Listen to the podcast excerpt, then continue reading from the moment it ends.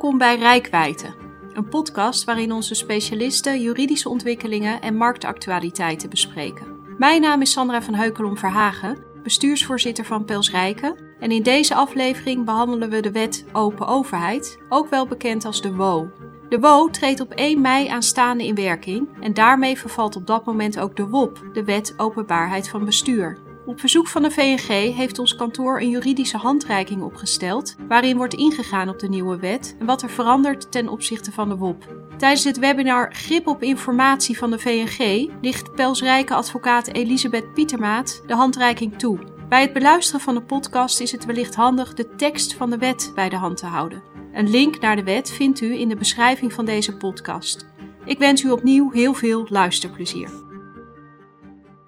Welkom bij de vierde week van Grip op Informatie. Mijn naam is Jeroen Jonkers, ik ben projectleider bij eh, de VNG. En vandaag staat wel een dag een teken van eh, de Wet Open Overheid, actieve openbaarmaking. En we gaan nu de komende anderhalf uur tot half één aan de slag.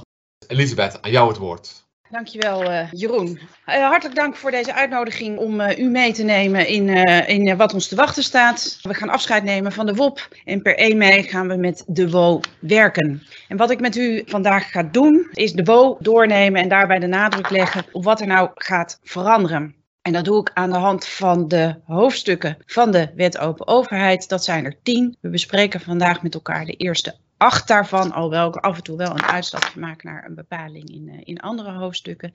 En deze hoofdstukken komen ook overeen met de handreiking die wij op verzoek van de G VNG mochten schrijven over die overgang van, van de WOP naar WO. Dus een groot deel wat ik vandaag aan u ga vertellen staat ook toegelicht in, uh, in die handreiking. Het heeft best lang geduurd, vanaf 10 juli 2012 tot oktober van dit jaar, dat de wet uiteindelijk is aangenomen in de Eerste Kamer. Maar voor dit webinar is denk ik van belang om te benadrukken dat er als het ware twee ambities van de indieners van het wetsvoorstel in die WO zijn teruggekeerd. En de eerste ambitie is het realiseren van een cultuuromslag die ertoe leidt dat er meer, sneller, makkelijker informatie openbaar wordt, zowel actief uit eigen beweging als passief op het moment dat iemand straks een WO-verzoek indient. Dus dat, dat openbaarmaking toch veel meer als een vanzelfsprekendheid wordt benaderd dan als werk. De, gedurende de behandeling van het wetsvoorstel is steeds meer over het voetlicht gebracht dat om aan die eerste ambitie te kunnen voldoen, dat dan er wat moet worden gedaan aan de informatiehuishouding binnen de overheid in den brede. Ik weet natuurlijk niet hoe dat bij al die gemeenten afzonderlijk is waar u werkzaam eh, bent. Maar de overal beeld is dat waar we vroeger ordelijke papieren archieven hadden, dat met de komst van de digitalisering en met de explosie van de hoeveelheid e-mails, inmiddels ook aangevuld met chatberichten, dat we eigenlijk nog niet goed genoeg weten hoe we dat moeten archiveren op een zodanige manier dat het ook makkelijk toegankelijk is op het moment dat iemand daarom vraagt. Dus gedurende de behandeling van het wetsvoorstel zijn ook allemaal bepalingen in de WO geïntroduceerd die erop gericht zijn om de informatiehuishouding op orde te brengen. Dus die twee ambities, aan de ene kant meer, sneller, actiever op, eh, openbaar maken van informatie als, als vanzelfsprekendheid. En aan de andere kant de ambitie om de informatiehuishouding op orde te brengen. Dat is denk ik echt in een hele in een notendop uh, wat de wet overheid beoogt. Nou, als we dan gaan kijken naar hoofdstuk 1 van de WO, dan zien we hè, dat die ambitie van die vanzelfsprekendheid, van transparantie, van openbaarheid ook is geland in artikel 1.1 van de WO, waarin het recht op toegang tot informatie is verankerd. Dat lijkt allemaal heel vanzelfsprekend, maar dat is het niet, want de huidige WO kent geen vergelijkbare bepaling.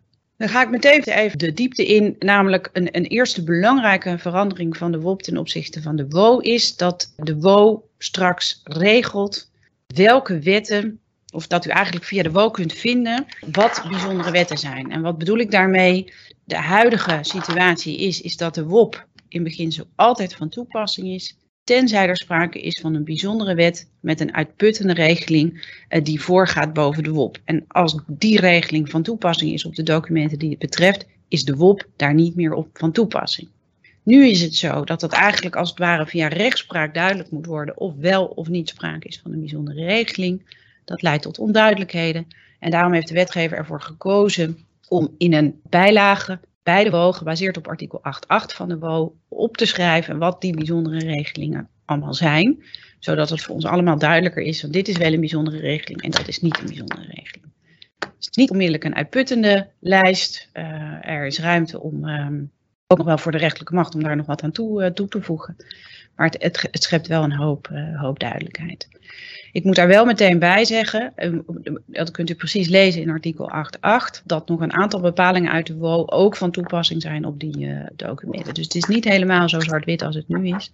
Maar goed, dat is, uh, dat is meer voor een verdiepingscursus op dit uh, thema. Dus daar laat ik het even bij. Maar dit is een belangrijke, belangrijke verandering. Sta ik met u heel kort stil bij het documentbegrip en het begrip publieke informatie. En waarom zeg ik, ik sta daar heel kort bij stil? Het ziet op de basisbegrippen van de WO. de huidige WOP is van toepassing op alle documenten over een bestuurlijke aangelegenheid die zich onder een bestuursorgaan of onder een bestuursorgaan werkzaam zijnde dienst, instelling of bedrijf uh, zich bevinden. En ik zeg u hier even heel kort, dat verandert in de kern niet. Het begrip bestuurlijke aangelegenheid wordt wel verlaten en wordt vervangen door het begrip publieke informatie. Op dit moment houden wij het erop dat dat in de kern niet leidt tot een verbreding of een versmalling of wat dan ook, maar dat, dat het meer een kwestie is van andere terminologie, waar ook wel wat meer ambitie uh, uitspreekt, maar meer ook niet.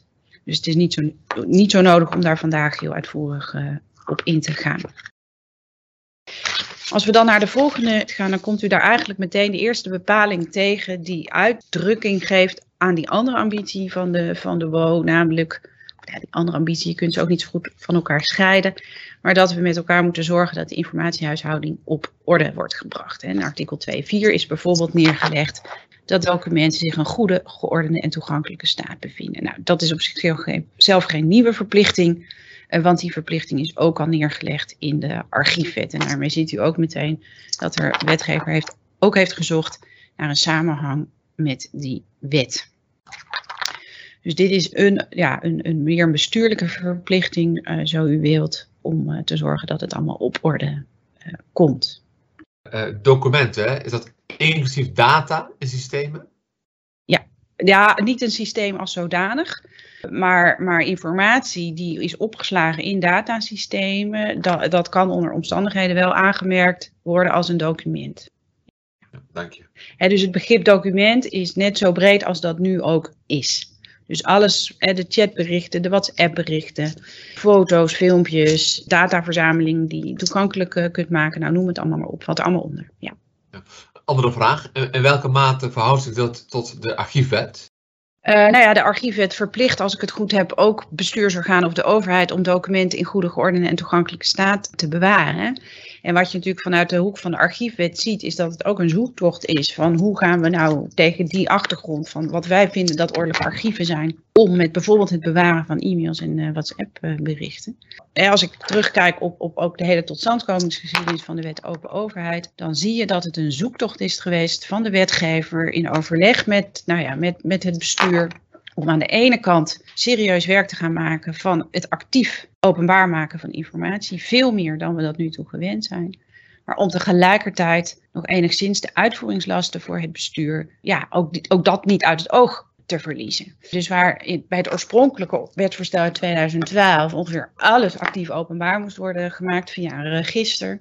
Nou, die registerverplichting is eruit.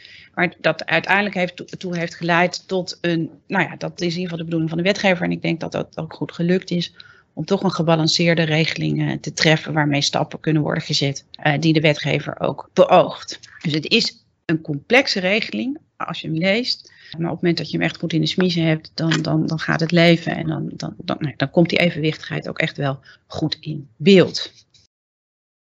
Nou, dan gaan we er wat meer gedetailleerd op in. En dan begin ik met artikel 3.1 van de Wet Open Overheid. En artikel 3.1 is eigenlijk het oude artikel 8 van de WOP. Ik heb het al over oud geldt natuurlijk nog, maar u hoort mij al een beetje afscheid nemen uh, van, de, van de WOP.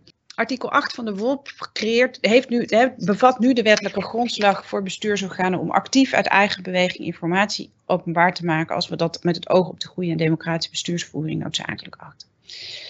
En eigenlijk bevat artikel 3.1 niet heel veel meer dan wat nu artikel 8WOP is. Dus er is een inspanningsverplichting tot het actief openbaar maken van informatie. Nou, dat is, vond de wetgever natuurlijk onvoldoende. En die, en die wil dat er echt een enorme slag uh, wordt gemaakt. Dus aanvankelijk, ik noemde hem net al even, was de bedoeling dat er een register zou komen. waarin alle onder de overheid de berustende documenten zouden worden opgeslagen en toegankelijk zouden worden gemaakt. Nou, daarvan werd, werd al vrij vroeg gezegd van ja, dat, dat is op de korte termijn niet uitvoerbaar. Dus daarvan hebben de indieners afgezien. En in plaats daarvan is in artikel 3.3 van de WO's echt een kernbepaling van de WO een heel uitvoerige regeling getroffen voor oké, welke informatie gaan we dan wel actief openbaar maken. als we die bepaling dan doorlopen, beginnen we logischerwijs met het eerste lid. En daarin is de informatie opgenomen die elke overheidsorganisatie hoe dan ook openbaar moet maken. Dus die documenten moeten volledig openbaar worden gemaakt. Kan niet in worden gelakt, om het even in WOP-termen uh, te zeggen. Is dat dan heel veel? Nee, dat is heel overzichtelijk. Dan hebben we het over wetten, over algemene verbindende voorschriften, over besluiten van algemene strekking. En het enige wat, wat, wat daar nieuw is of bijzonder is, is dat de wetgever zegt ook ontwerpen van wet en regelgeving waarover je extern advies vraagt, die moet je ook actief openbaar maken, inclusief de daarbij behorende adviesaanvragen. En verder, verderop uit in artikel 3.3 is ook geregeld dat dan het advies over dat ontwerp ook actief openbaar moet worden gemaakt. Dit is het informatie die als het ware meteen naar buiten moet. Wat ik net vergat te zeggen, realiseer ik mij nu, en dat ga ik dus even tussendoor zeggen, is dat dit onderdeel van de WO, het actief openbaar maken van informatie, gelet op het overgangsrecht in artikel 10.2 en 10.2a van de WO, zal gefaseerd in werking treden en niet eerder dan 1 januari 2023. Dus als u nu denkt, dit krijg ik van mijn leven niet voor elkaar voor 1 mei, dan moet u niet in de paniek schieten. Dat hoeft dus ook nog niet. Er moet wel volop voorbereidingen worden getroffen, uiteraard. Maar nou, dat gaat allemaal gefaseerd. En hoe gefaseerd en in welke volgorde, dat moet nog nader bekend worden uh, gemaakt. Dat moest ik er even bij zeggen. Nou, dan gaan we naar artikel 3.3 tweede lid. En daarin is een, uh, uh, in sub A tot en met K de informatie opgezond die ook actief openbaar moet worden gemaakt, tenzij. En die tenzij verwijst naar de artikelen 5.1 en 5.2 van de WO. En uh, de artikel 5.1, dat is het oude artikel 10 van de WOP. En artikel 5.2 is, is artikel 11 van de WOP. Dus met andere woorden, de in artikel 3.3 tweede lid opgezonde informatie zult u actief openbaar moeten maken, tenzij de belangen van de artikelen 5.1 en 5.2 zich daartegen verzet. Betekent dat dan een alles of niets benadering, in de zin van je maakt een document wel openbaar of je maakt het niet openbaar. Nee, helaas, zo eenvoudig uh, is, het, is het niet. Het kan ook heel goed, en dat is ook wel de bedoeling, leiden tot gedeeltelijke openbaarmaking. Dus dat driekwart van het document bijvoorbeeld wel openbaar wordt en een deel niet. Jeroen. Is een advies van een samenwerkingsverband van overheden aan een deelnemer een extern advies zoals bedoeld in 3.3 lid 1? Dus een advies van een samenwerkingsverband van overheden aan een deelnemer. Ik zou dat preciezer moeten uh, nakijken, dus ik durf er niet helemaal met zekerheid een antwoord uh, uh, op te geven. Het gaat wel om adviezen die een zekere status hebben. Ik zou me kunnen voorstellen dat dit type adviezen wel onder de bedoeling van de wetgever valt, dat die voortaan dus actief openbaar worden gemaakt. Want de achterliggende gedachte natuurlijk daarachter is, is dat de burger inzicht krijgt in de totstandkoming van wet en regelgeving. Zoals we nu ook adviezen van de Raad van State aan het kabinet openbaar maken op het moment dat een wetsvoorstel uh, wordt ingediend, ja, is dat ook de gedachte dat dat ook op provinciaal en gemeentelijk niveau inzichtelijk wordt uh, gemaakt. Om concreet te maken, Elisabeth, kan ik me voorstellen, uh, je hebt onder andere in Nederland een aantal belastingsamenwerkingen. Dat bijvoorbeeld de belastingverordeningen wordt jaarlijks aangepast bij een gemeente. Dat bijvoorbeeld de belastingssamenwerking wel daar een advies geeft ten aanzien van de gemeente over de vastgestelde verordening. Ik denk dat dat een heel goed voorbeeld is van een advies wat voortaan actief openbaar gemaakt zou moeten worden. Ja, ja, ja oké, okay, helder. Een andere vraag. Uh, uh, wat betekent dit wanneer een bestuursorgaan niet aan deze verplichting voldoet en de documenten niet op tijd actief openbaar gemaakt worden? We, we gaan er zo nog even op in, hè, wat op tijd is en wat niet op tijd is. Meer in het algemeen kan ik dus vooraf op deze vraag zeggen dat er heel wat termijnen zitten in artikel 3.3 tweede lid. Dat zijn uiteindelijk natuurlijk inspanningsverplichtingen. Maar als u dat combineert met die enorme ambitie in de WO om, om, om serieus werk te maken van openbaarheid en transparantie, dat dat ook een thema is wat nu veel breder in de samenleving leeft dan, nou, pak een beet, vijf à tien jaar geleden. Dat op het moment dat je er dus niet aan voldoet, je dus last krijgt van, ja, dan ontstaat er druk. En uiteindelijk eh, wordt dat voor bestuurders natuurlijk heel vervelend op het moment dat de organisatie er niet in slaagt om die termijnen uh, te halen. Ja, helder. Ik heb aanbevelingen geformuleerd. Ik ben daar echt bescheiden in. Het is niet voor niks dat Grip op Informatie weken van seminars organiseert. Want het toont aan van wat voor opgaven we met z'n allen staan om die ambities te realiseren. Die natuurlijk ook veel breder zijn dan de WO alleen. Dat realiseer ik me ook heel, uh, heel goed. Maar als u nu het gevoel hebt in de organisatie, ik sta er in mijn eentje voor. Dan is dat dus inderdaad, dan moet u daar wat in die zin aan doen door anderen erbij te betrekken. Want het, het, goed implementeren en uitvoeren van de WO straks, dat is niet alleen een taak van juridische. Dat kunnen we niet alleen. Het is een belangrijke mate een organisatievraagstuk. Het is een ICT-vraagstuk. Dus u moet dat als het ware met de hele organisatie gaan doen. Ja, wat, als ik het dan even, dan maak ik het heel groot. Als ik het even wat kleiner maak, uh, richting uh, artikel 3.3 tweede lid, is dat we nu weten door die opzomming welke documenten moeten straks openbaar worden gemaakt. En dat betekent eigenlijk iedereen die zo'n document opstelt, daarmee rekening kan houden op het moment dat hij dat aan het doen is. En waar bedoel ik daar bijvoorbeeld mee? Dat als je een document opstelt waarvan je weet, nou, driekwart van deze informatie kan straks gewoon prima naar buiten. Maar er zit een blokje bijvoorbeeld bedrijfsvertrouwelijke informatie in, dat, dat u die bedrijfsvertrouwelijke informatie ook bij wijze van spreken in één alinea opschrijft en niet vervlecht in de hele tekst van zo'n uh, document. En dat betekent dat hè, als het document dan ook af is, dat je vrij snel naar het actief openbaar maken daarvan uh, toe kunt. Een andere tip is dus ook richt procedures in om te voldoen aan, die, aan artikel 5152. En dan hebben wij met name het oog op persoonsgegevens hè, die je eruit haalt. Dus probeer, ja, als dat kan, een, een systeem te hebben waarin het heel makkelijk is om die gegevens uh, te anonimiseren, uh, bijvoorbeeld. Nou, ik zei u al, uh, sub A tot en met K, daarin is de informatie opgezond die actief uh, openbaar moet worden gemaakt. Het gaat om convenanten, het gaat om jaarplannen. voor een deel is het informatie waarvan u, als u het leest, denkt, ja, dat is eigenlijk ook wel logisch dat we dat voortaan actief openbaar moeten maken. Het meest vernieuwende, denk ik, vanuit het perspectief ook van de wetgever, is, is dat op grond van 3, 3 tweede lid sub K, ook in beginsel alle beschikkingen, dus individuele besluiten, actief openbaar gemaakt zullen moeten worden. En dat is wel echt, echt nieuw. Tegelijkertijd bevat sub K dan ook weer 21 subkopjes. En daarin staan dan weer de beschikkingen opgezond die u niet actief openbaar hoeft te maken. En ja, dan is natuurlijk de vraag van ja, hoe is die wetgever dan bij sub 1 tot en met 21 gekomen? Nou, wat je ziet is dat de wetgever eigenlijk zelf aan de hand van de artikelen 5.1 met name al een afweging heeft gemaakt en heeft gezegd van nou ja, als je artikel 5.1 en dan bijvoorbeeld de bescherming van de persoonlijke levenssfeer met name loslaat op dit type beschikkingen, dan kunnen we eigenlijk wel met z'n allen verwachten dat die beschikkingen uiteindelijk toch niet openbaar gemaakt zullen worden. Nou, om te voorkomen dat iedereen daar steeds de hele tijd over moet nadenken, laten we dan die beschikkingen uitzonderen van de beginselplicht tot het actief openbaar maken van alle beschikkingen. Maar dat betekent dat er natuurlijk legio beschikkingen zijn die wel actief openbaar uh, moeten worden gemaakt. En het antwoord op de veelgestelde vraag, wat zijn dan die beschikkingen, is alle beschikkingen met uitzondering van de in de sub 1 tot met 21 opgenoemde beschikkingen. En op zichzelf denk ik, heeft de wetgever wel echt, echt wel goed en nauwkeurig genoeg omschreven welke beschikkingen dat zijn. Tenminste, dat denk ik. Van belang wel om meteen te noemen is ook artikel 3.3a van de WO, een bepaling die ook in de loop der tijd uh, in die uh, wet is geïntroduceerd. En ja, daar zie je ook weer dat de wetgever natuurlijk ook wel goed heeft gekeken naar de uitvoeringslasten en heeft gezegd van nou ja, je hebt soms ja, gewoon, gewoon heel veel beschikkingen van hetzelfde soort. Bijvoorbeeld, u gaat subsidie verstrekken, uh, cultuursubsidies verstrekken. Nou, met name in de wat grotere steden kunnen dat best een fors aantal subsidies zijn. Nou, en die subsidies hoef je dan niet, al die beschikkingen niet los openbaar te maken, maar dat mag ook via een overzicht.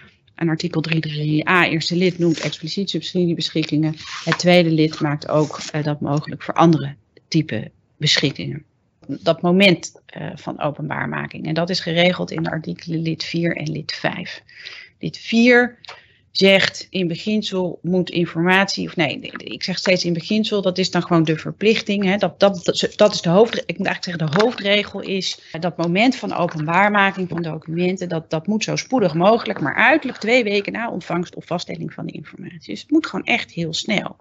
Uh, en dan kom ik dus eigenlijk dan, dan weer met diezelfde, ja, voortbedurend op de aanbevelingen, die komt in feite ook wel op hetzelfde neer. Zeker de documenten die je zelf opstelt, moet je eigenlijk vanaf het begin af aan dus voor ogen hebben, hey, die moeten straks actief openbaar worden gemaakt. Dat dus bij wijze van spreken, als het document af is, verzonden is, overbesloten is of wat dan ook, dat je dat dan eigenlijk bij wijze van spreken de volgende dag actief openbaar kunt maken. Dat is nou ja, wat ik nu van harte aanbeveel om het te gaan organiseren. En in het vijfde lid van artikel 3.3 eh, zijn er nog wat uitzonderingen opgenomen voor bepaalde type informatie waarvan dan onder ogen moet worden gezien, ja dat lukt niet binnen twee weken. Daar moet misschien wat langer de tijd voor worden genomen. In die lijn is ook een ja. vraag, Elisabeth. De openbaarmaking is ingedeeld in elf categorieën in de wet. Het kan je ook gefaseerd kan het invoeren, maar wanneer is nou echt helder wanneer je wat moet openbaren? Ja, dat weet ik eerlijk gezegd nog niet zo goed daar moet gewoon nog, volgens mij, hè, dat, dat gaat allemaal via koninklijk besluit. Dus dat betekent dat de minister van Binnenlandse Zaken daarvoor aan de lat uh, staat om dat nader te organiseren. Misschien dat nou ja, anderen uh, in, in, nou ja, in december daar al meer over weten, maar ik heb dat beeld nog niet heel precies. Nou, het enige wat ik weet is natuurlijk wel dat de uh, minister heeft aangegeven in de Eerste Kamer dat voor 1 januari aanstaande er helderheid komt over de aansluiting op plooi en eigenlijk over de facering. wat je zegt, dat klopt natuurlijk, er moet dan een KB worden vastgesteld. Uh, en dan hopen ze wel dat de komende twee maanden uh, duidelijkheid over komt. Dus het is nog even, nog even afwachten met elkaar. Ja. ja. En dat, dan komen we even inderdaad op het, op het uh, wat meer juridische gedeelte, echt juridische gedeelte van, het, van, van, van dit, dit, dit hoofdstuk, van, dit, van deze verplichting. En dat betreft de rechtsbescherming. Niet onbelangrijk. Kijk, het kan natuurlijk heel zo goed zijn dat u documenten onder zich heeft die actief openbaar moeten worden gemaakt en waarbij ook belangen van derden zijn betrokken. En die belangen van derden zouden zich wel eens tegen openbaarmaking kunnen verzetten. Daar kunt u zich van alles bij voorstellen. Uh, bij een beschikking die zich richt tot een onderneming waar een bedrijfsgevoelige informatie staat. Of gericht op een nou, bedrijf waar misschien toch wat persoonlijke informatie uh, in staat. Daar moet je dus even over nadenken. En op het moment dat u zegt, ja, ik, ik begrijp wel dat dit bedrijf het vervelend vindt, maar we gaan het toch actief openbaar maken, dan is het op dat moment mogelijk voor dat bedrijf om bezwaar te maken tegen de mededeling dat u, uh, en dan zitten we rechtsboven in de, in de sheet, de mededeling van openbaarmaking is voor belanghebbenden wel appellabel, zoals we dat met elkaar noemen. Dus dan, dan, dan, dan staat daar dus rechtsbescherming tegenover. Ziet nu een journalist dat u informatie actief openbaar maakt, maar niet volledig. Of doet, u doet een mededeling dat u een document wat u in begin zo actief openbaar moet maken, maar dat u dat toch niet doet. Daar moet je namelijk ook mededelingen van doen. Als die journalist dat ziet en hij wil het toch hebben, dat kan. Maar dan zal hij een WO-verzoek moeten indienen om, die, om, om erachter te komen wat niet openbaar wordt gemaakt of dan wel gedeeltelijk openbaar uh, uh, wordt uh, gemaakt.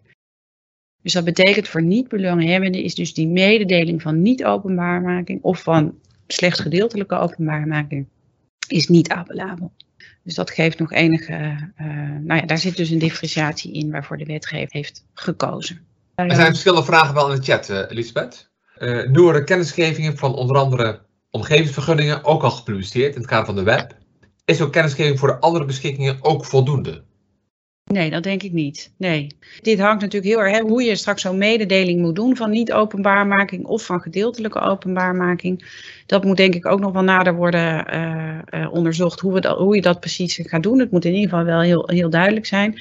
En dan kom je ook meteen op die samenhang met plooi. Hè, dus de ambitie die is uitgesproken dat op dat ene platform dat we met z'n allen al die informatie actief openbaar gaan maken. Dat is dus meer een systeemvraag hoe we dat dus zichtbaar gaan maken dan een, uh, dan een juridisch. Ja. Een andere vraag. Uh, zou je bij het toezenden van een beschikking al direct om een zienswijze over de openbaarmaking daarvan kunnen vragen?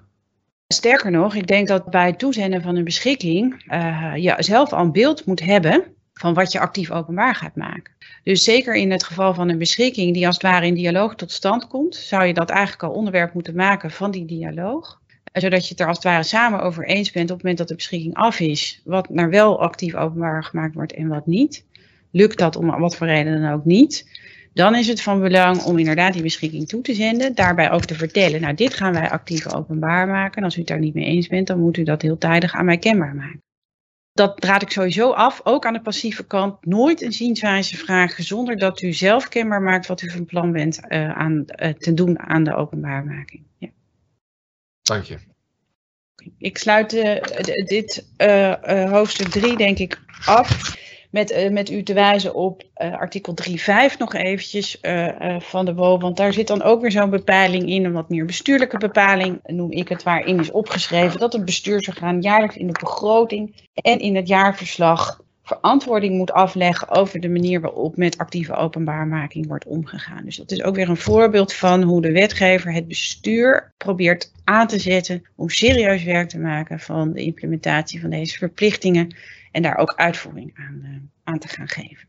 Dus u moet daar straks, heel simpel gezegd, verantwoording over gaan afleggen uh, aan de raad en aan het publiek.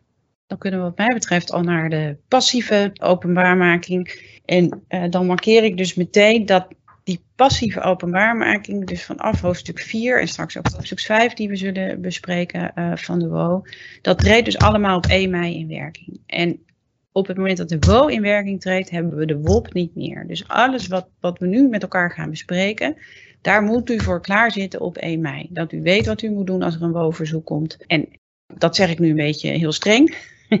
en tegelijkertijd zeg ik er meteen dus geruststellend achteraan. Ja, dat is zeker wel het een en ander. Maar ook weer niet zoveel dat u daar nu heel erg zenuwachtig van moet worden. Want voor een deel, ik, ik ga u straks ook wel wijzen op wat echt nieuw is. Maar voor een deel is wat nieuw is ook wel codificatie, bijvoorbeeld van bestaande rechtspraak of codificatie van bestaande praktijk. Dus u hoeft niet heel veel meer anders te doen wat u nu eigenlijk al zou moeten doen. Uh, maar doordat het nu wel in de WO is neergedaald en is opgeschreven, verandert het natuurlijk wel iets van, uh, van uh, karakter. Dus we gaan met elkaar het allemaal doornemen, hoofdstuk 4 en hoofdstuk 5. Dan wordt ook zichtbaar wat hetzelfde is en wat, wat verandert. Maar waar ik dus net zei van nou, hè, die actieve openbaarmaking, dat, komt nog. Uh, is, geldt dat hier dus niet voor en is, is, ja, moeten zich daar dus nu op, uh, op, uh, op voorbereiden. Nou, eerste belangrijke wijziging in, de, in de WO is, is dat ook is vastgelegd dat een verzoek voortaan elektronisch kan worden ingediend. Nou, ik, ik neem haast aan dat bij veel gemeenten dat nu al kan. Ik weet ook dat heel veel gemeenten die mogelijkheid hadden maar in het misbruiktijdperk van de WOP, hè, toen we om de oren werden, uh, alle onze WOP-verzoeken ons om de oren vlogen en de dwangsommen uh, de deur uitvlogen, uh, dat als een van de remedies om iets aan het misbruik te doen, was dat de elektronische weg werd afgesloten. Nou, misschien is dat dus nu bij u nog steeds wel zo, maar dan is het wel zaak om per 1 mei te zorgen dat een verzoek weer elektronisch kan worden ingediend. Wat ook nieuw is in de WO, nou dat is niet nieuw, want de huidige WOP zegt nu al dat als dat uw verzoeker behulpzaam moet zijn bij het preciseren van zijn verzoek. Nieuw is in de WO is dat daar een termijn aan wordt gekoppeld van twee weken. Dus op het moment dat u het verzoek krijgt, wordt u, en u denkt van ja, ik begrijp het niet, het is omvangrijk, wat wil hij of zij nu? Dan moet u dus eigenlijk zorgen dat u binnen twee weken met de verzoeker om tafel zit om daar duidelijkheid over te krijgen. Ook dat is zeg ik er meteen weer bij om mogelijke vragen uh, voor te zijn. Ja, mag ik dan niet meer met de verzoeker praten na die twee weken? Nou, dat is natuurlijk niet het geval. Hè. Als u het niet haalt, dan, dan zult u het daarna moeten doen. Maar ook, ja, ik blijf het maar weer herhalen. Het is een, ook weer een uitdrukking van de ambitie van die wetgever. Dat, dat als het ware elke dag er mensen klaar zitten om rijkhalzend nieuwe woonverzoeken in ontvangst te nemen. En op het moment dat je er een krijgt, dat je denkt, oh wat fijn, ik ga zo snel mogelijk deze burger van informatie uh, voorzien. Uh, en ik bedoel, dit is ook echt niet gekscherend, maar dit is wel echt de ambitie van de wetgever. Uh, en dit, en zo, daar moeten we dus naartoe met elkaar.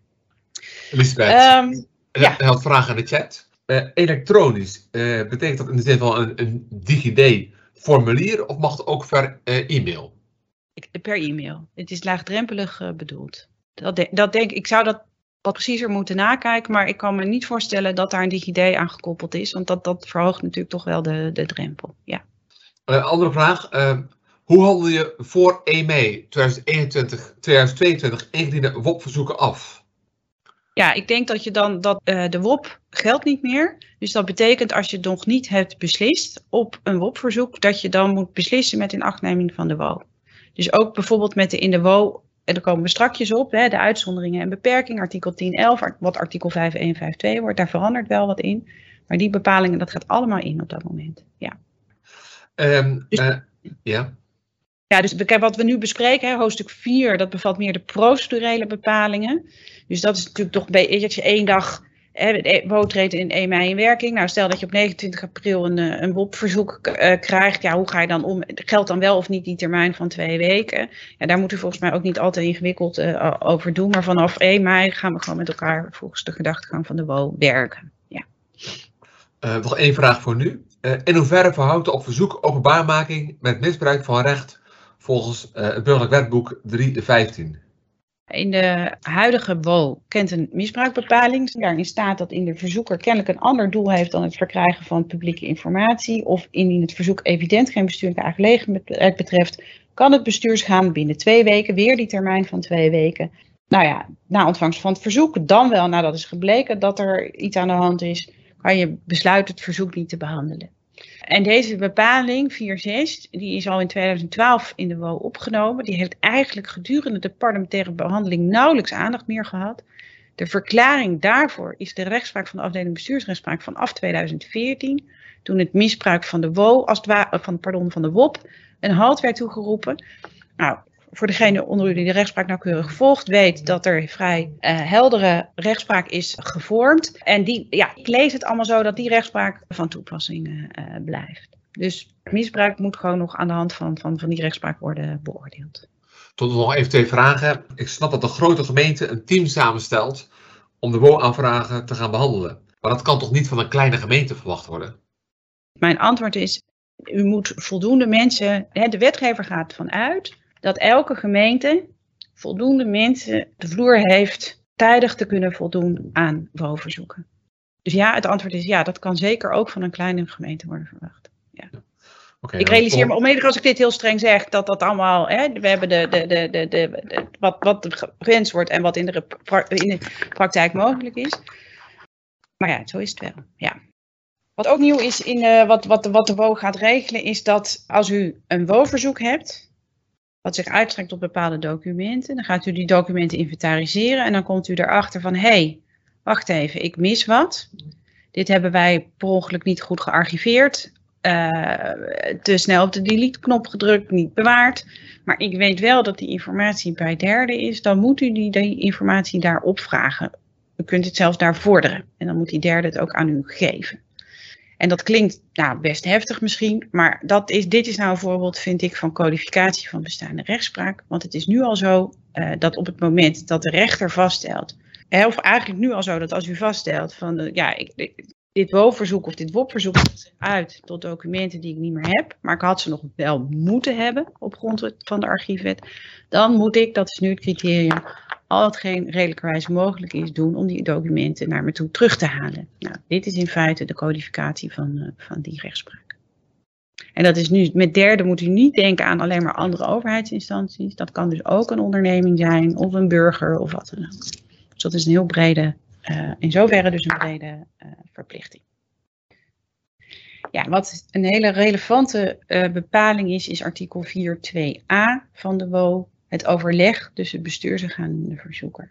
Uh, en artikel 4 2a zegt dat indien een voldoende gespecificeerd verzoek zodanig omvangrijk is dat niet binnen de termijn kan worden beslist, het bestuursorgaan voor het eind van die termijn in overleg met de verzoeker moet treden over de prioritering van de afhandeling van het verzoek.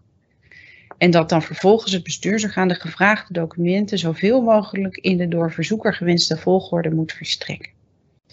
Dus artikel 4.2a is relevant op het moment dat u te maken heeft met een omvangrijk WO-verzoek, waarvan u voorziet dat u niet binnen de wettelijke beslistermijn van vier weken met een uitloop van twee weken kunt beslissen. Dan zegt artikel 4.2a in feite dat u met de verzoeker in overleg moet treden. En dat is iets wat wij al jaren aanbevelen bij omvangrijke verzoeken om te doen. Zodat je in contact blijft en dat je, nou, noem het allemaal op. Maar nu wordt het een wettelijke verplichting om dat te doen. En dat is nou iets, dat vind ik wel echt een voorbeeld van waar u met elkaar over, ja, waar u zich moet op, op moet voorbereiden voor 1 mei. Van oké, hoe, hoe gaan wij dat dan met elkaar organiseren? Wie gaat dat dan doen? Hoe gaan we dat doen? En noem het allemaal op. En de vraag die dan natuurlijk onmiddellijk kan worden gesteld is, ja, en als ik dat dan niet doe?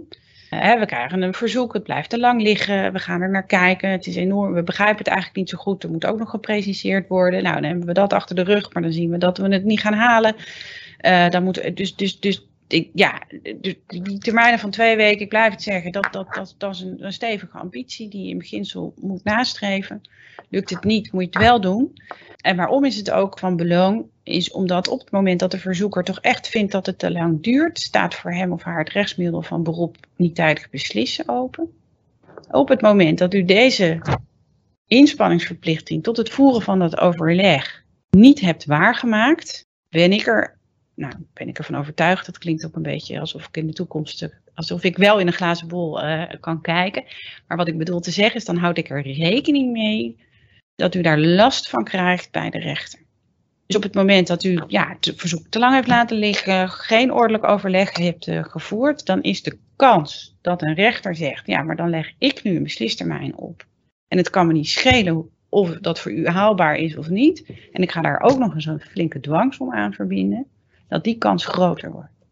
Dus met het oog op het voorkomen van, nou ja, vervelende rechtelijke procedures, als dat dan de incentive moet zijn, hè, uh, uh, dan, dan, dan is dat is maar zeggen, de juridische incentive, laat ik het zo maar noemen, waardoor het van belang is dat u dat overleg ordelijk voert. Nog los van natuurlijk veel meer het, nou ja, het, het, het, het, het belang waar het om zou moeten gaan, namelijk dat u de ambitie heeft om tijdig en netjes op, ook op omvangrijke verzoeken te beslissen. En wat artikel 4.2a impliciet ook mogelijk maakt, is dat u dan vervolgens, hè, de wetgever zegt, het bestuursorgaan verstrekt de gevraagde documenten zoveel mogelijk in de door verzoeker gewenste volgorde. Betekent dus ook dat u bijvoorbeeld met deelbesluiten kunt werken. Het hoeft niet allemaal in één keer. Het kan ook uh, gefaseerd. Ja, en ik zelf, hè, de ervaring in de huidige wolpraktijk is natuurlijk ook dat, dat waar ik zie dat er vroegtijdig uh, oprecht, uh, open en eerlijk met de verzoeker wordt, ge, uh, ja, ja, waar wordt gecommuniceerd over hoe, hoeveel documenten betreft het. Ik, ik, wil graag alles openbaar maken, maar het lukt niet in één keer. Wat wilt u als eerste hebben? Dat je ziet dat het dan ook eigenlijk best wel goed loopt in de, in de praktijk. Maar dit betekent dus wel veel contact met, uh, met, met, met, met, met, met woonverzoekers uh, uh, straks. Wat moet worden op, opgezocht actief openbaar maken is een inspanningsverplichting. En geldt ook voor passief openbaar maken? De inspanning zit op die termijn. dat is denk ik wel even goed om, als ik het heb over inspanningsverplichting, dat zijn de termijnen. En waarom zeg ik een inspanningsverplichting? Omdat er geen sanctie zit van de wetgever op het niet naleven van die termijn. Uh, maar u moet natuurlijk uiteindelijk wel aan die verplichting. Dus het, de, de, het, moet allemaal wel actief openbaar worden gemaakt. Dat is een resultaatsverplichting. En u moet op die woonverzoeken beslissen. Dat is ook een resultaatsverplichting. De tempo waarin u dat doet, uh, ja, dat is in principe ook een resultaatsverplichting. Binnen vier weken beslissen of binnen twee weken. Maar goed, ja. Het, het, het is niet, niet, het, staat niet in de wet dat u na twee weken niet meer mag overleggen met een dus dat, dat bedoel ik met inspanningsverplichting. Dus je moet dat niet al te civielrechtelijk uh, uh, opvatten. Ja. Meer op deze, op deze manier. Ja. Informatie vorderen bij derden. Kan je dat niet gewoon makkelijk voldoen met een bericht bij de aanvrager dat die informatie bij een ander opgevraagd kan worden? Nee, want dan schuift, schuift u het af op de verzoeker en het is uw eigen verplichting op het moment dat iemand bij u om informatie. Kijk, het moet, nee, we moeten even wachten. Even. Ik moet even precies de vragen achter de vraag. Um, het onderscheid maken tussen informatie die u gewoon niet hebt, omdat u die ook niet hoeft te hebben, die heeft u nooit gehad, maar u weet wel dat het elders berust. Dan heeft u een doorzinplicht of de verzoeker erop wijzen dat hij het elders kan vragen. Uh, daar gaat deze bepaling dus niet, gaat dus niet over de, niet, het gaat niet over informatie die niet bij u berust of dan wel bij u hoort te berusten. Waar die verplichting tot het vorderen van informatie of ziet. Er is bijvoorbeeld een voorbeeld in de rechtspraak dat er omgevingsplannen worden gemaakt in het digitale systeem. En op een gegeven moment is er een, en die, die, die versies worden steeds overschreven, niet bewaard, hoeft ook niet. Maar op een bepaald moment wordt op basis van een concreet ontwerp toch overleg gevoerd met stakeholders, met omwonenden, noem het allemaal op. Nou, dat is dan wel een document wat je geacht wordt te bewaren, omdat dat een belangrijk punt is in de totstandkoming van zo'n omgevingsplan. Nou, en in de rechtspraak is dan een voorbeeld dat, dat, dat toch de gemeente dat plan niet meer heeft. Op een, of andere manier heeft niemand het bewaard. En dan zegt de afdeling bestuursrechtspraak, ja, dan moet je gewoon even aan de mensen aan wie je dat plan hebt gegeven gaan vragen of zij jou even dat plan weer teruggeven, zodat jij het in een WOP-verzoek kunt meenemen. Dus het gaat om de documenten die bij u hebben berust en op grond van de archiefwet nog steeds hadden behoren te berusten. En als dat soort informatie is, dan moet u het vorderen. En is het dus niet de verantwoordelijkheid van de burger om daar dan zelf maar achteraan te gaan. Daar bent u dan voor. Nog één vraag voor nu, uh, Elisabeth. Als een verzoeker niet wil overleggen over prioritering, zo dan beschikbaar stellen, wat, wat geldt er dan? Ja, dan moet u gewoon, uit, dan, dan moet u gewoon aan het werk. Uh, uh, die verzoekers zijn natuurlijk ook. Die zeggen, ik, ik heb het verzoek ingediend, het is duidelijk genoeg en u weet wat u moet doen. En nou, ik, ik heb verder geen behoefte aan overleg met u. Dan moet u eigenlijk twee dingen doen. U moet dat goed vastleggen, documenteren. Dus dat u kunt laten zien dat u het overleg hebt gezocht. Dat u misschien ook nog een keertje erop hebt aangedrongen om toch aan tafel uh, te komen. U moet dan ook vastleggen wat het antwoord was van de verzoeker, zodat dat, dat, dat, dat, dat dat, dat, dat dan eventueel later in een rechtelijke procedure u kunt laten zien dat u wel geprobeerd hebt om aan die uh, inspanningsverplichting uh, te voldoen. En waarom is dat ook weer relevant? Ook weer relevant met het oog op die beroepsprocedure niet tijdelijk beslissen. Want op het moment dat die verzoeker niet wil meewerken aan een prioritering of een afhandeling, wat dan ook, ja, dan denk ik dus dat zijn kansen bij de rechter om die rechter ertoe te bewegen iets voor hem te doen, minder groot wordt. Wat ik daar wel bij zeg, is dat dat, dat laatste gaat alleen maar gebeuren op het moment dat u, en dat is dan het tweede wat u moet doen, ondertussen wel hard doorwerkt om ondanks dat die verzoeker niet met u wil praten over prioritering, toch op zijn verzoek te beslissen. Dus de reflex, die verzoeker wil niet met mij praten, dus wij nemen alle tijd, dat is een op zichzelf menselijkerwijs uh, goed te begrijpen reflex, maar vanuit de woog geredeneerd niet goede reflex. Dus daar moet u zich als het ware gewoon niks van trekken en gewoon doorwerken. Dat is eigenlijk de, nuchtere advies. Ja. ja, precies. Ja. Calvinistisch, denk ik. Maar zo is het wel. Ja. Ja. Dank je. Nou, anti-misbruikbepaling hebben we net al even besproken in antwoord op een uh, vraag. Wat ook echt nieuw is in de WO is het, de contactpersoon. En het is het slot van hoofdstuk 4, uh, artikel 4.7. Daarin staat dat ter beantwoording van vragen over de beschikbaarheid van publieke informatie wijst het bestuursorgaan één of meer contactpersonen aan. En die bepaling is in de WO geïntroduceerd op het moment dat het register eruit ging. En de bedoeling van de wetgever is, is het dat u als het ware. Het idee achter het register was, daar kan de burger gewoon zelf in en die kan zelf dan de informatie zoeken die hij of zij op dat moment wil raadplegen. Nou, dat was allemaal wat gortig uh, in termen van uitvoering, dat is er dus uitgehaald. En in plaats daarvan is toen gezegd, van, ja, dan moet er wel iemand binnen een gemeente zijn die de burger helpt op het moment dat hij vragen heeft over, nou ja, over de beschikbaarheid van publieke informatie. Dus een antwoord op de vraag, goh, heeft het zin om hier een woonverzoek over in te dienen? Is daar überhaupt informatie over? Ja, hoe kan ik zorgen dat ik snel de voor mij relevante informatie krijg? Nou, noem het allemaal op.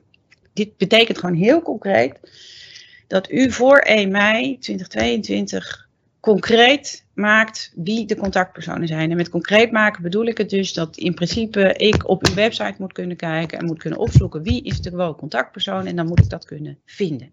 Of in ieder geval moet er een telefoonnummer staan van de WOP-contactpersoon. Ik zeg niet dat u met naam en toename op de gemeentelijke website uh, moet, maar het moet wel heel duidelijk zijn hè, dat er een loket is waarmee je met vragen over de WO eh, terecht kunt. Nou, ik kan me voorstellen, zeker in wat kleinere gemeenten, dat je zegt, nou de WO-functionaris is ook onze WO-contactpersoon. Nou, dat, dat, kan, hoeft niet. Uh, het kan, kan wel. En op zichzelf, maar misschien ben ik nu iets te optimistisch, biedt het natuurlijk ook een kans. Wat ik in de praktijk heel vaak zie, of nou, nee, heel vaak zie, maar wat ik de laatste jaren is natuurlijk, de, de, de WOP heeft veel meer bekendheid gekregen. Er worden veel meer WOP-verzoeken ingediend. en, en bij sommigen is ook wel een beetje de indruk van ja, je moet een WOP-verzoek indienen, anders krijg je überhaupt geen informatie. Of dat mensen bang zijn, of dat, dat, dat komt ook door voorbeelden die op het internet circuleren, dat er standaard als het ware hele brede WOP-verzoeken worden ingediend. Heel omvangrijk. Terwijl die verzoeker eigenlijk heel concreet op zoek is naar een antwoord op een vraag. Of naar specifieke documenten waarin hij denkt het antwoord op zijn vraag te kunnen vinden.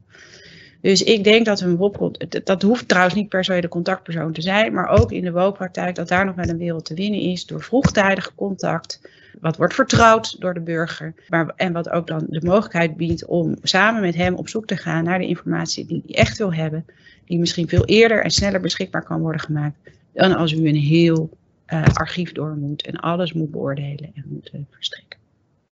Elisabeth, ten aanzien ja. van uh, de contactpersoon, met de vraag van, is dat een bestuursorgaan, de contactpersoon? Nee, nee, dat is gewoon een ambtenaar werkzaam bij een bestuursorgaan. Het is geen afzonderlijk bestuursorgaan. Nee. Ja, dan de, dan de beslistermijn, die blijft vier weken, maar kan nog slechts met twee uh, weken worden verdaagd als de omvang of de gecompliceerdheid van het verzoek een verdaging uh, rechtvaardigt ja, ik vind dat zelf hiermee houden. Dit blijft natuurlijk hè, ook wat ik net zei over het overleg met de verzoeker bij de omvangrijke verzoeker. Ja, het is toch, je ziet ook hè, de laatste tijd, in ieder geval dat, dat we de verzoeken die, hè, waar wij dan ook bij betrokken worden vanuit onze rol als advocaat, dat je natuurlijk vaak ziet dat het echt enorm omvangrijke verzoeken zijn. Doe mij alles over dit, doe mij alles over dat. Ja, daar, met welke beste bedoelingen van de wereld ook, lukt dat gewoon niet om daar binnen vier weken op, uh, op te beslissen. Tegelijkertijd is er natuurlijk altijd nog een categorie waarin dat best kan. Dus dat is ook gewoon een opdracht aan u, denk ik, om heel vroegtijdig op het moment dat een WOO-verzoek wordt ingediend te selecteren. Gaan we dit, kunnen we dit redden binnen vier weken of eventueel binnen zes weken?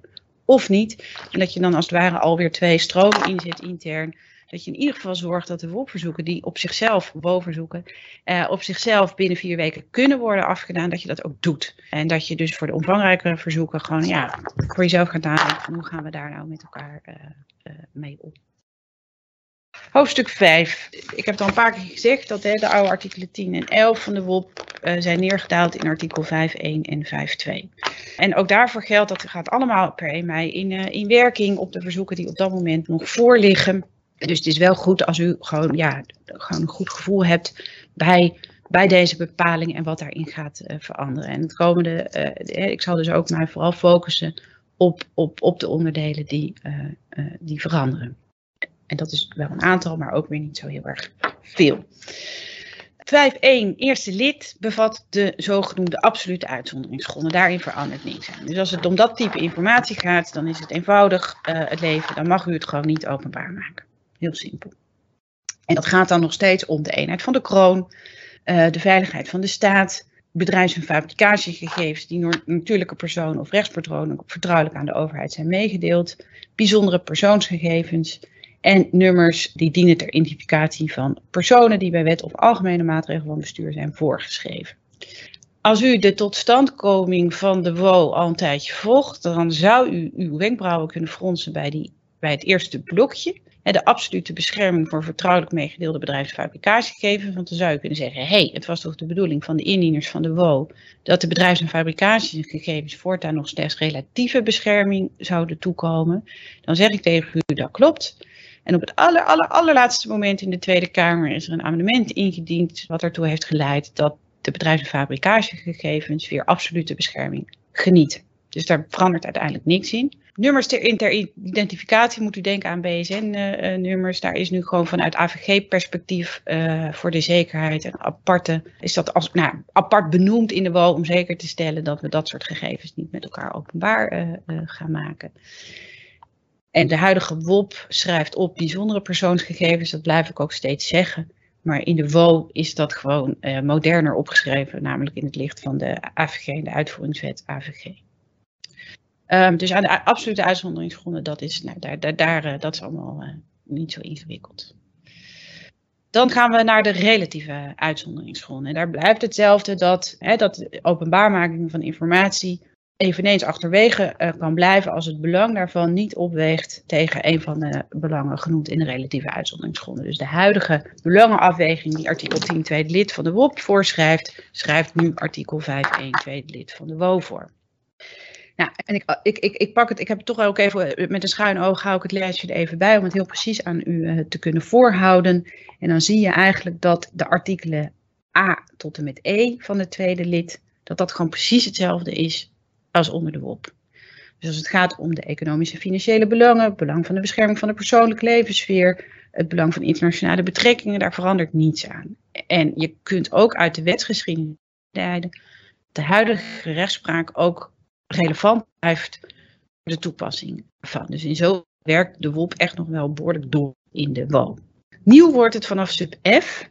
Uh, sub F zegt dat, introduceert als het ware een nieuwe uitzonderingsgrond voor andere concurrentiegevoelige uh, informatie dan bedrijfs- en fabriekgegevens waarop de uitzonderingsgrond ziet. de huidige WOP maakt een onderscheid. We het hebben over gegevens van bedrijven. Kunnen dat aan de ene kant bedrijfs- en fabricagegegevens zijn, die absoluut genieten. En aan de kant concurrentiegevoelige informatie zijn, wat geen bedrijfs- en fabricagegevens zijn. Waarmaking daarvan wordt nu vaak geweigerd op grond van 10 tweede lid onder G, het voorkomen van onevenredige nadeling van het bedrijf. Uh, en daar is nu dus een aparte uitzonderingsgrond voor genoemd. Dan hebben we twee nieuwe uitzonderingen, uh, G en H. Artikel G ziet op de bescherming van het milieu en sub H zegt uh, de beveiliging van personen en bedrijven en het voorkomen van sabotage. En dat zijn niet helemaal nieuwe uitzonderingen, want die golden al in de huidige WOP exclusief die toepassen op milieuinformatie. En de WOP zoals u misschien weet, een heel apart richting voor het openbaar maken van milieuinformatie. Gaat veel verder dan uh, de andere, of veel verder, gaat verder dan andere. Ook weer echt nieuw is sub-I. Uh, dat ziet u in het blokje uh, rechtsboven. Een nieuwe relatieve uitzonderingsgrond. Wat ziet op het goed functioneren van de staat, andere publiekrechtelijke lichamen of bestuursorganen. En dat is een nieuwe uitzonderingsgrond die de WOP niet kent. Maar, zeg ik erbij, het is een, een, invulling die nu in de rechtspraak wordt gegeven aan artikel 10 tweede lid onder G. Het voorkomen van onevenredige benadeling. Het is vaste rechtspraak dat ook een gemeente, de staat, noem het allemaal op, onevenredig kunnen worden benadeeld op het moment dat informatie openbaar wordt. En dat gaat dan vaak om informatie waarvan we kunnen zeggen, ja, het zijn allemaal geen persoonlijke beleidsopvattingen bijvoorbeeld. Maar ja, als dit op straat komt, nou, dan kunnen we hier de tent wel sluiten. Dus uit de huidige artikel 10 tweede lid onder G biedt nu een grondslag om informatie waarvan je kunt zeggen, ja, dat raakt het goed functioneren van onze gemeente, om die niet openbaar te maken. Nou, de wetgever heeft ervoor gekozen om dat als een aparte uitzonderingsgrond nu in de WO op te nemen. Nou, waar moet u dan aan denken? En als u naar de wetsgeschiedenis gaat in de WO, dan wordt daar een aantal concrete voorbeelden van uitspraken genoemd waarin dit is aanvaard. En een voorbeeld voor de gemeentelijke praktijk uh, ziet hem bijvoorbeeld op een uh, uitspraak over rekenkamers, de lokale rekenkamers, die op een bepaald moment onderzoek gaan doen. Vaak wordt er onderzoek gedaan op het moment dat er iets niet goed is gegaan. Dan wordt er met mensen gesproken, daar worden verslagen van gemaakt. En we weten dan natuurlijk zeker van tevoren dat als je tegen mensen zegt, alles wat jij hier tegen mij zegt, ligt morgen op straat. Dat mensen dan denken, nou dan ga ik wel even heel goed nadenken over wat ik hier ga vertellen als je tegen iemand zegt, uh, alles wat jij hier nu tegen mij zegt blijft vertrouwelijk, dan zijn mensen veel vrijer om informatie te delen. Nou, dat is onderkend dat het zo werkt in het leven. En, toen, en daarvan heeft, heeft de rechtspraak zegt ook van ja, dat type verslagen, als je dat openbaar maakt, dat raakt het goed functioneren van de gemeente, dan kunnen we geen onderzoek meer doen. En dus mag je dat soort informatie geheim houden. Dat zijn de sub-I, dat is deze, dat is ook meteen de laatste relatieve uitzonderingsgrond in de WO die als zodanig wordt genoemd. Als u goed oplet, dan denkt u, ja, ho even. Maar waar is dan die uitzonderingsgrond van de onevenredige benadeling gebleven? Nou, die is er nog wel, maar die zit in, uh, nu in het vijfde lid van artikel 5.1 en zegt alleen in uitzonderlijke gevallen kan je nog de openbaarmaking van informatie weigeren als dat tot onevenredige benadeling leidt. Die uitzonderingsgrond die kan je niet toepassen op milieuinformatie, maar dat is niet nieuw. Dat was altijd al zo. Maar de klemtoon ligt hier op uitzonderlijke gevallen. Dus het moet gaan om een situatie die we nu met z'n allen nog niet kunnen bedenken. En als het het voordoet, dat je denkt, ja, dit is een uitzonderlijk geval. Openbaarmaking leidt tot onevenredige benadeling, dus ik weiger de openbaarmaking van deze informatie. Wat ook nog wel relevant is, is dat, dat er inderdaad is gezegd, ja, als je dan eh, informatie niet openbaar maakt op grond van zo'n relatieve uitzonderingsgrond, dan moet het besluit waarmee je dat doet een uitdrukkelijke motivering bevatten. Nou, daar kan je eindeloos over discussiëren. Wat is een uitdrukkelijke motivering? Ik houd het er zelf op dat dit is ook een. Dit is ook natuurlijk door de initiatiefnemers ingekomen, ook omdat er een bepaald beeld is, wat ook zeker gestaafd wordt door praktijkvoorbeelden, dat soms wel heel makkelijk en met een summiere motivering de openbaarmaking van informatie wordt geweigerd. En hiermee geeft de, geeft de wetgever ook tot uitdrukking van ja, nee, het is in beginsel de bedoeling dat het openbaar wordt. U moet er zelfs een belangenafweging maken. Nou, dan wil ik dat u dat wel uitdrukkelijk motiveert. Tegelijkertijd denk ik zelf dat de huidige eisen in de rechtspraak aan motiveringseisen van WOP-besluiten ook al zo hoog zijn. Dat als u die nou maar aanhoudt, dat u hier eigenlijk er al wel mee bent.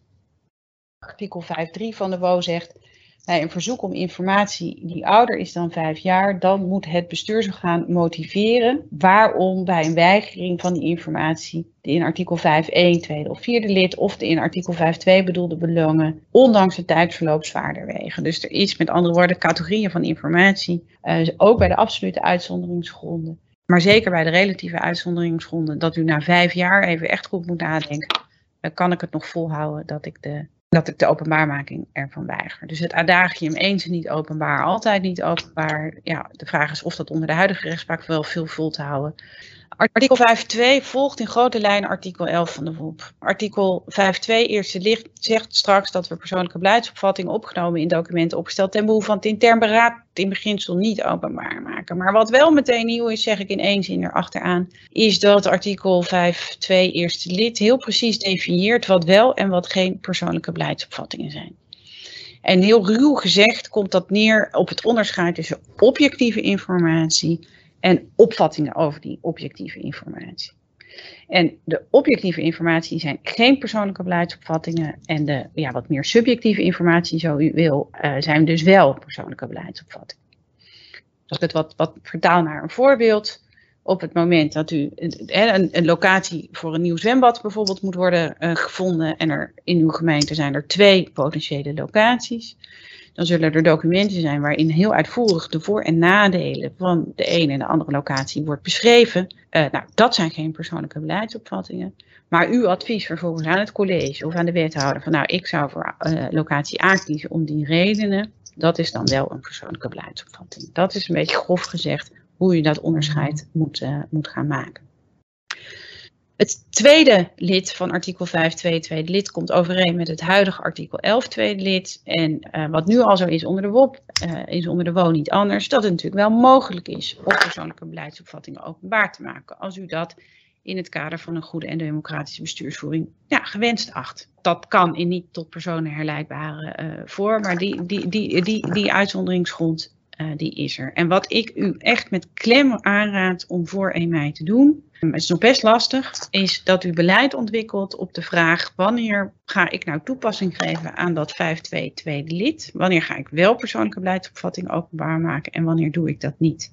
En waarom zeg ik u dat? Dat is omdat het huidige kabinet voor de Rijksoverheid nu het beleid voert dat in politiek hooggevoelige dossiers of politiek en mediagevoelige dossiers in beginsel toepassing wordt gegeven aan artikel 11 tweede lid van de WOP. Dus het Rijk zegt, als een zaak heel veel belangstelling heeft, om wat voor reden dan ook, dan gaan wij eigenlijk in beginsel onze persoonlijke beleidsopvattingen openbaar maken. Dat is een enorme switch ten opzichte van hoe dat was. Dat is beleid, zeg ik erbij. Dus u bent juridisch niet verplicht om dat beleid te voeren. Maar je voelt natuurlijk wel op je klompen aan dat dat natuurlijk toch een bepaald, daar gaat wel een bepaald effect van uit. Dat verzoekers gaan daarop wijzen en gaan u vragen, goh, waarom doet uw gemeente dat niet? Of waarom doet u dat wel? Uh, nou, noem, het maakt niet uit. Maar ik denk dus dat er vanuit die kant, zullen we zeggen, wel druk komt om daar in ieder geval ook een eigen visie op, op te formuleren. Nou, dan is er nog artikel, en dat is echt nieuw, 5 2 derde lid. Ook bij zo'n last minute amendement in de WO terechtgekomen. We hebben dus ook de wetsgeschiedenis of de parlementaire behandeling die het najaar heeft plaatsgevonden in de Eerste Kamer nodig om die bepaling heel goed te kunnen duiden. Ik zeg er ook meteen bij dat u dat nog niet terugvindt in de handreiking die nu op de site van de VNG staat. Dat is ook, hebben we destijds de eerste druk genoemd. Ons meteen verplicht om ook een tweede druk te maken. En aan die verplichting uh, moeten wij snel uitvoeringen gaan geven. En dat is wat we dus nu binnenkort gaan doen, is die wetsgeschiedenis En dat onderdeeltje, dat laatste restje uit de Eerste Kamer nog verwijzen in de verwerken in de handreiking. En dat we onder meer op artikel 5.2 uh, zien. Want 5.2 zegt, even los van wat uh, het eerste en het tweede lid zegt, gaan wij voortaan uit documenten opgesteld ten behoeve van formele bestuurlijke besluitvorming door een wethouder of door een college van BMW of door een burgemeester, gaan we uit die documenten, dus die opgesteld zijn voor formele bestuurlijke besluitvorming, voortaan wel de persoonlijke beleidsopvattingen openbaar maken. Met andere woorden, voor die categorie documenten wordt het als het ware omgedraaid. Dan moet u de persoonlijke beleidsopvattingen openbaar maken, tenzij, want dat zegt de derde lid dan ook weer, het, het kunnen voeren van intern beraad onevenredig wordt geschaad. Dus ik stel mij zo voor dat als er intern beraad wordt gevoerd over een persoon, dat je natuurlijk niet dat al die persoonlijke beleidsopvattingen daarover openbaar gaat maken. Want iedereen weet over wie het gaat. Nou, dan kan je nooit meer met elkaar vertrouwelijk overleg over bijvoorbeeld een benoeming uh, uh, voeren. De meest voor de hand liggende vraag is van wat is in hemelsnaam een document opgesteld ten behoeve van formele bestuurlijke besluitvorming? Nou, dat vind ik zelf ook nog een hele lastige vraag om te beantwoorden, want dat is, dat is nieuwe terminologie die met dit amendement ook is tegelijkertijd als het ware is geïntroduceerd. Voor de time being hou ik het erop, maar dat gaan we in de handreiking voor u nog wat preciezer uitwerken, dat het gaat om ja, zullen maar zeggen, de laatste nota die u stuurt aan de wethouder of aan het college, op basis waarvan het college dan op dat moment een besluit maakt. En die, nou, als daar dan in die documenten persoonlijke beleidsopvattingen staan, dan zult u die, als er sprake is van een WO-verzoek, openbaar moeten maken. Uh, met het oog op de tijd lukt het denk ik ook niet om al die andere bepalingen in hoofdstuk 5 uitvoerig met u door te nemen. Maar ook hiervoor geldt weer met het oog op 1 mei. Realiseer, ga ze wel goed bestuderen. Realiseert zich dat die mogelijkheden, want het is echt nieuw, uh, uh, er zijn. Ik ga ze zo nog wat verder toelichten. Zodat op het moment dat die WO-verzoeken worden ingediend, dat in ieder geval in uw achterhoofd zit als mogelijke optie. En waar, wat bedoel ik dan? Ik laat even 5.4 uh, buiten beschouwen. 5.4 gaat om het, de, de, de informatiestroom tussen Griffie en individuele raadsleden. Maar waar het om, waar, waar, 5.5 maakt het bijvoorbeeld mogelijk om informatie aan een verzoeker te verstrekken die hem betreft. En dat is een bepaling die het mogelijk maakt dat je zegt: van, Nou ja, ik heb hier informatie die gaat over u. Het is geen informatie in zaken de AVG. Dus dat is ook nog wel een wonderlijk onderscheid. Maar we hebben het dus, we hebben het dus wel over een WO-verzoek, niet over een AVG-verzoek. Maar het gaat wel over u. Die, of het betreft in ieder geval uh, uh, u. Maar ik ga dit niet openbaar maken in de zin van de WO voor een ieder, want het gaat verder helemaal niemand wat aan. Dan maakt de WO het vanaf nu mogelijk dat u het wel aan die individuele verzoeker betreft.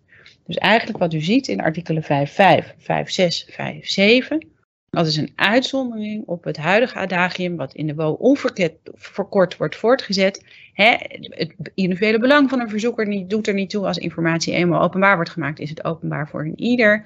En 5.6, 5, 5, 5, 6 en 5.7 van de WO maken het dus mogelijk om informatie te verstrekken aan nou ja, een select groep, of aan één iemand of uh, aan iemand. 5.6 uh, ziet op het verstrekken van niet openbare informatie vanwege uh, klemmende redenen. Dus op het moment dat je beslist uh, informatie niet openbaar te maken, kan je op basis van klemmende redenen een verzoeker toch toegang geven tot die informatie. Nou, er wordt altijd om voorbeelden gevraagd. Ik geef de wetgever nauwelijks. Maar wat ik bijvoorbeeld dan zelf, maak ik meteen heel groot, dus dat, dat helpt natuurlijk niet. Maar ik kan me voorstellen dat je bijvoorbeeld nabestaanden, hè, of ik maak het groot, ik maak het misschien meteen een beetje een pijnlijk voorbeeld, maar dat je bijvoorbeeld nabestaanden van uh, slachtoffers wat meer informatie geeft, bijvoorbeeld over de toedracht van een ongeluk, dan je voor aan het hele publiek bekend zou maken. Omdat dat heel onevenredig kan zijn voor andere uh, betrokkenen, maar dat je het toch een bepaalde groep wel gunt om er kennis van, uh, van te nemen.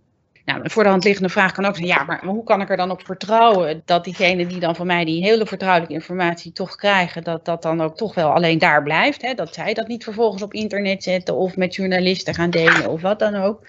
Daar heeft de wetgever ook aan gedacht, want op het moment dat je op grond van deze bepaling informatie krijgt, ben je strafbaar op het moment dat je het met derden deelt. Dat is meteen wel dus een hele forse sanctie voor diegene die vanwege klemmende redenen uh, informatie krijgt. Maar zo heeft de wetgever dat dus geprobeerd dicht uh, te zetten. Nou, 5.7 biedt dan ook nog een mogelijkheid aan bestuursorganen om ten behoeve van historisch, statistisch, wetenschappelijk of journalistiek onderzoek toegang te bieden tot informatie. Dat is ook een hele spannende. Ik verwacht dat de journalistiek daar voortdurend op gaat of dat dat een bepaling is die vaak onder uw aandacht zal worden gebracht. Het is ook echt een kanbepeiling. Uit de wetsgeschiedenis kun je ook afleiden dat het ook echt niet altijd hoeft. Hè? Dus het is geen recht voor journalisten, voor, eh, voor, voor uh, historici, noem het allemaal op.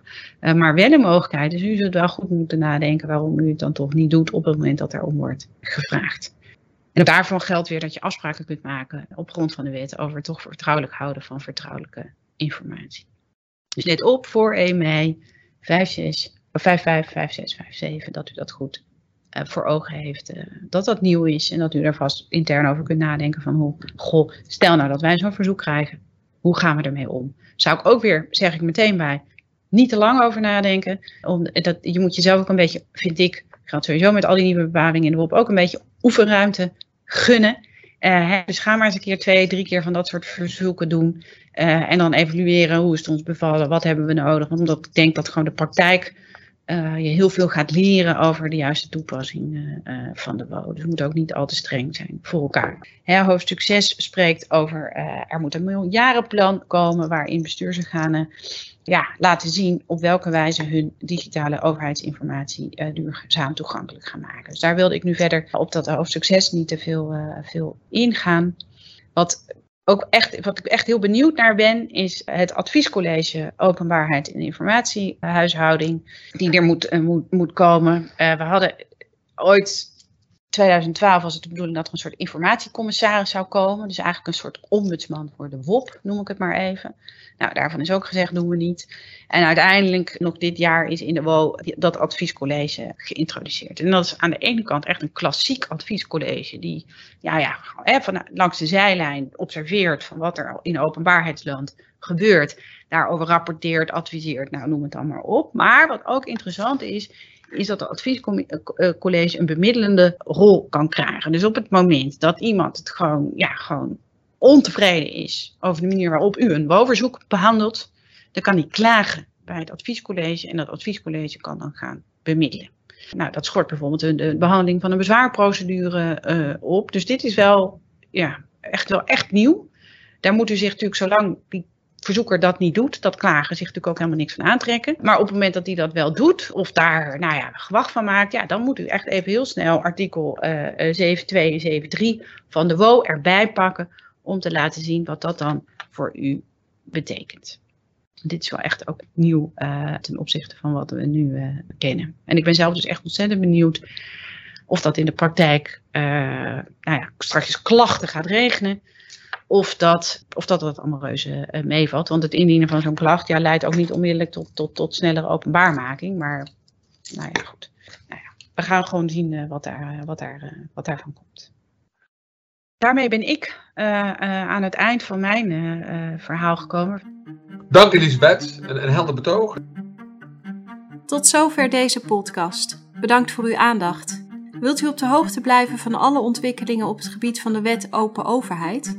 Dan kunt u zich abonneren op onze nieuwsbrief Bestuursrecht en onze gelijknamige LinkedIn-pagina. De links hiervoor vindt u in de omschrijving van de podcast. En wilt u nu op de hoogte blijven van onze nieuwe podcast? Abonneer u dan op Rijkwijde. Graag tot ziens bij de volgende podcast.